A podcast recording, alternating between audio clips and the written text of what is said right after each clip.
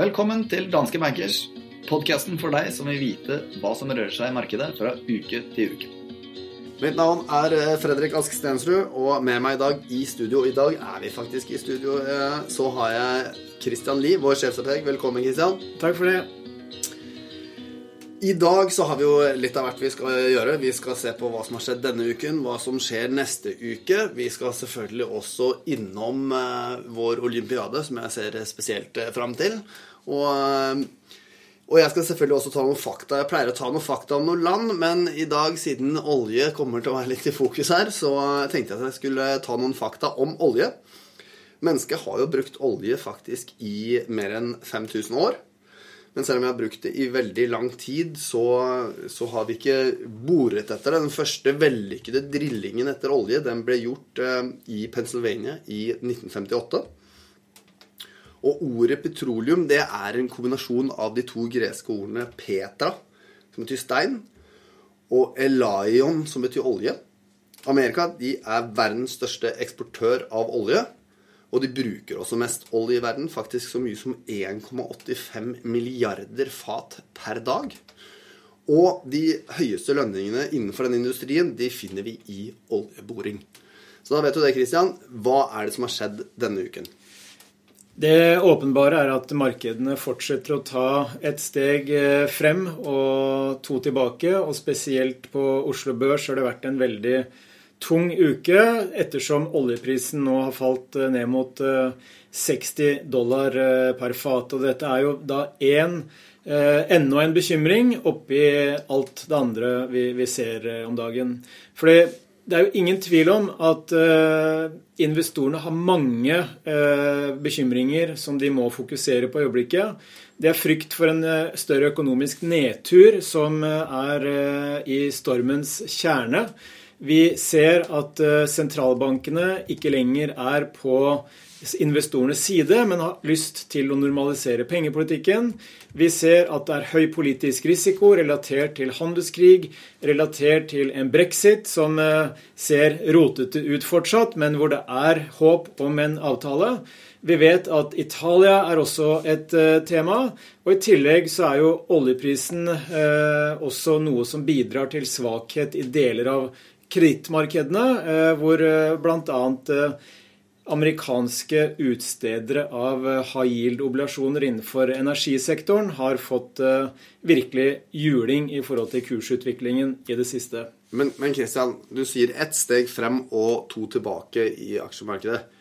Nå føler jeg, jeg føler at jeg mister helt oversikten. Det er så mye fram og tilbake og så mye uh, usikkerhet. Fins det noen måte for deg å oppsummere dette litt for de som ikke ønsker å tenke på så mye? Kanskje vi ønsker å bare tenke på noen få ting? Kan du prøve å samle dette litt, så man kan klare å danne seg et bilde uten å sitte og lese i timevis hver dag? Ja, det kan jeg egentlig gjøre. Og det, det jeg kan prøve å, å, oppsummere med, det er jo egentlig ikke bare de bekymringsmomentene som jeg nettopp nevnte, i forhold til svakere økonomisk vekst, politisk risiko, sentralbanker som ønsker å heve rentene, vi har fallende oljepris, og vi har svakhetstegn i kredittmarkedene. Det er kanskje de viktigste driverne for den markedsturbulensen som vi ser i øyeblikket. Men jeg kan også belyse dette her gjennom å peke på det vi mener er lyspunkter. Fordi at vi ser at verdensøkonomien er i ferd med å miste litt fart. Og spesielt da med tanke på europeisk økonomi, hvor vi for så vidt, for så vidt fikk overraskende svake tall eh, i dag hvor den optimismen eller de forventningene som har vært om at veksten er på vei tilbake i fjerde kvartal, fikk et alvorlig skudd for baugen. Både med tanke på eurosonen generelt, men også for tysk økonomi spesielt, hvor en rekke vekstindikatorer falt mer enn forventa. Vi har også utfordringer i kinesisk økonomi, men likevel så tror vi at verdensøkonomien vil holde seg sterk også i 2019. Om vi ser eksempelvis på IMF eller på OECD, som denne uken nedjusterte sine anslag for veksten i verdensøkonomien til 3,5% og vi vet IMF i oktober spådde 3,7% Dersom vi lander et sted mellom 3,4 og 3,6% så vil det fortsatt være en sterk utvikling i verdensøkonomien, som alt annet likt bør understøtte aksjemarkedet også i 2019. I tillegg så ser vi jo at rentene har vært på vei opp hvis vi ser på styringsrentene. Men når turbulensen slår inn i finansmarkedene, så ser vi at markedsrentene trekker noe ned igjen, som vi eksempelvis har sett i USA. Og dette tar jo noe av det umiddelbare presset på rentene bort, og det var jo noe av det som bidro til turbulensen i markedene i januar og i februar. Prisveksten i verden er på vei opp, spesielt hvis vi ser på USA. Eh, men det er ingen tegn til at prisveksten skal akselere så mye at sentralbankene må stramme til så mye at verden går inn i en resesjon. Og Derfor så tror vi også at selskapsinntjeningen vil være bra eh, også neste år, eh, og gi støtte til aksjemarkedet. Men så har vi dette med handelskonflikten og politisk risiko. Og der har jo Trump og Xi Jinping begge gitt uttrykk for at de ønsker og håper på en avtale i, handelskonflikten. Og Kina har bl.a. sendt en liste over ting de er villige til å gå med på og endre for å imøtekomme amerikanerne. Og I tillegg så vet vi at begge, både Xi Jinping og Trump, de er avhengig av og ønsker en sterk og sunn økonomisk utvikling i sine respektive land.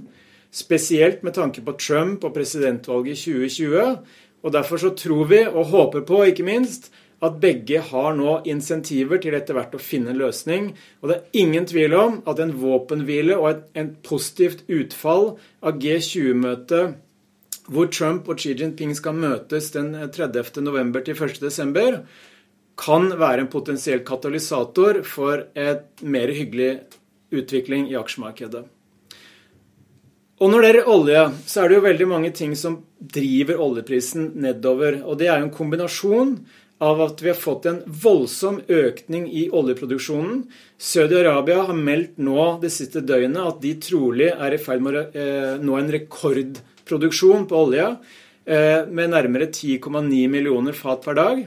Vi har sett at amerikansk oljeproduksjon har steget til rekordnivåer, og vi har også sett en økning i russisk oljeproduksjon.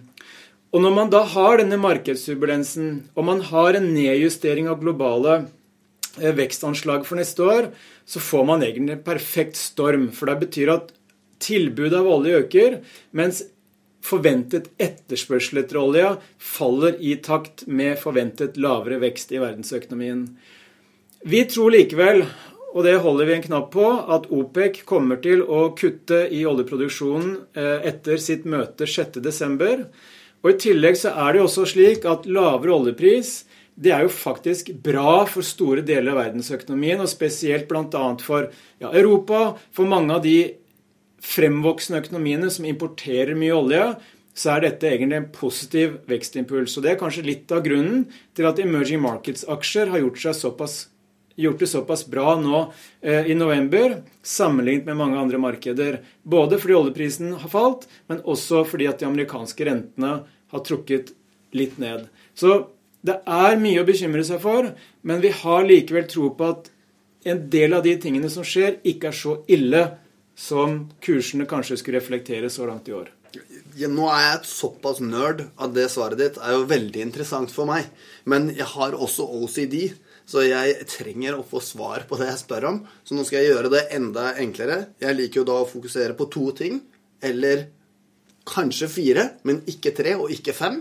Så da vil jeg gjerne ha to, veldig kort to av de viktigste risikofaktorene.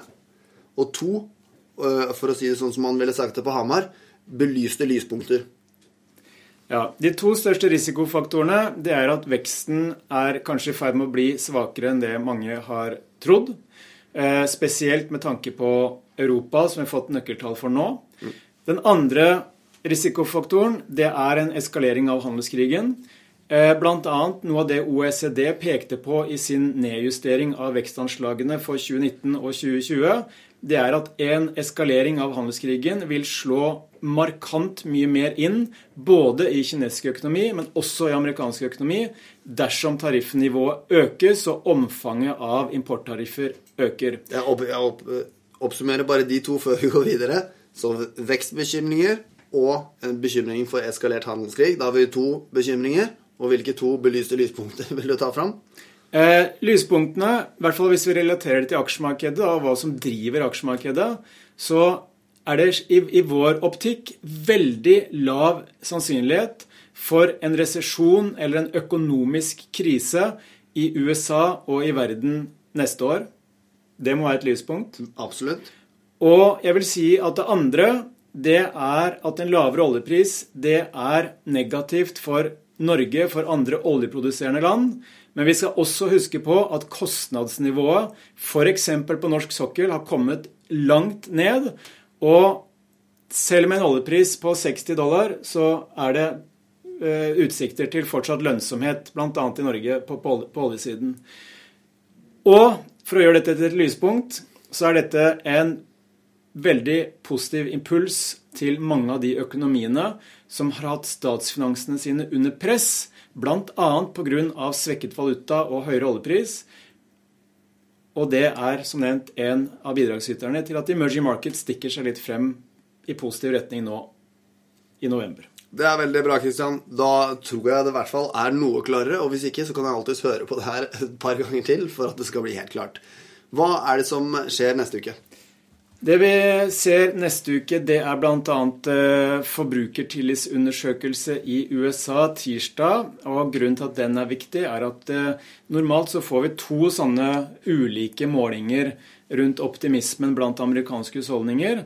Og den forrige, som vi fikk eh, faktisk denne uken, den falt litt tilbake til det laveste nivået på syv måneder. Eh, og hvis denne nye som vi nå får neste uke, også viser svakhetstegn, så kan det være at amerikanske forbrukere begynner å bli litt mindre eh, optimistiske i forhold til sin egen økonomi fremover. Og da kan det være et lite negativt signal som investorene vil bite seg merke i. Torsdag får vi kjerneinflasjonstall fra USA. Det er den eh, målestokken som den amerikanske sentralbanken følger veldig mye med på.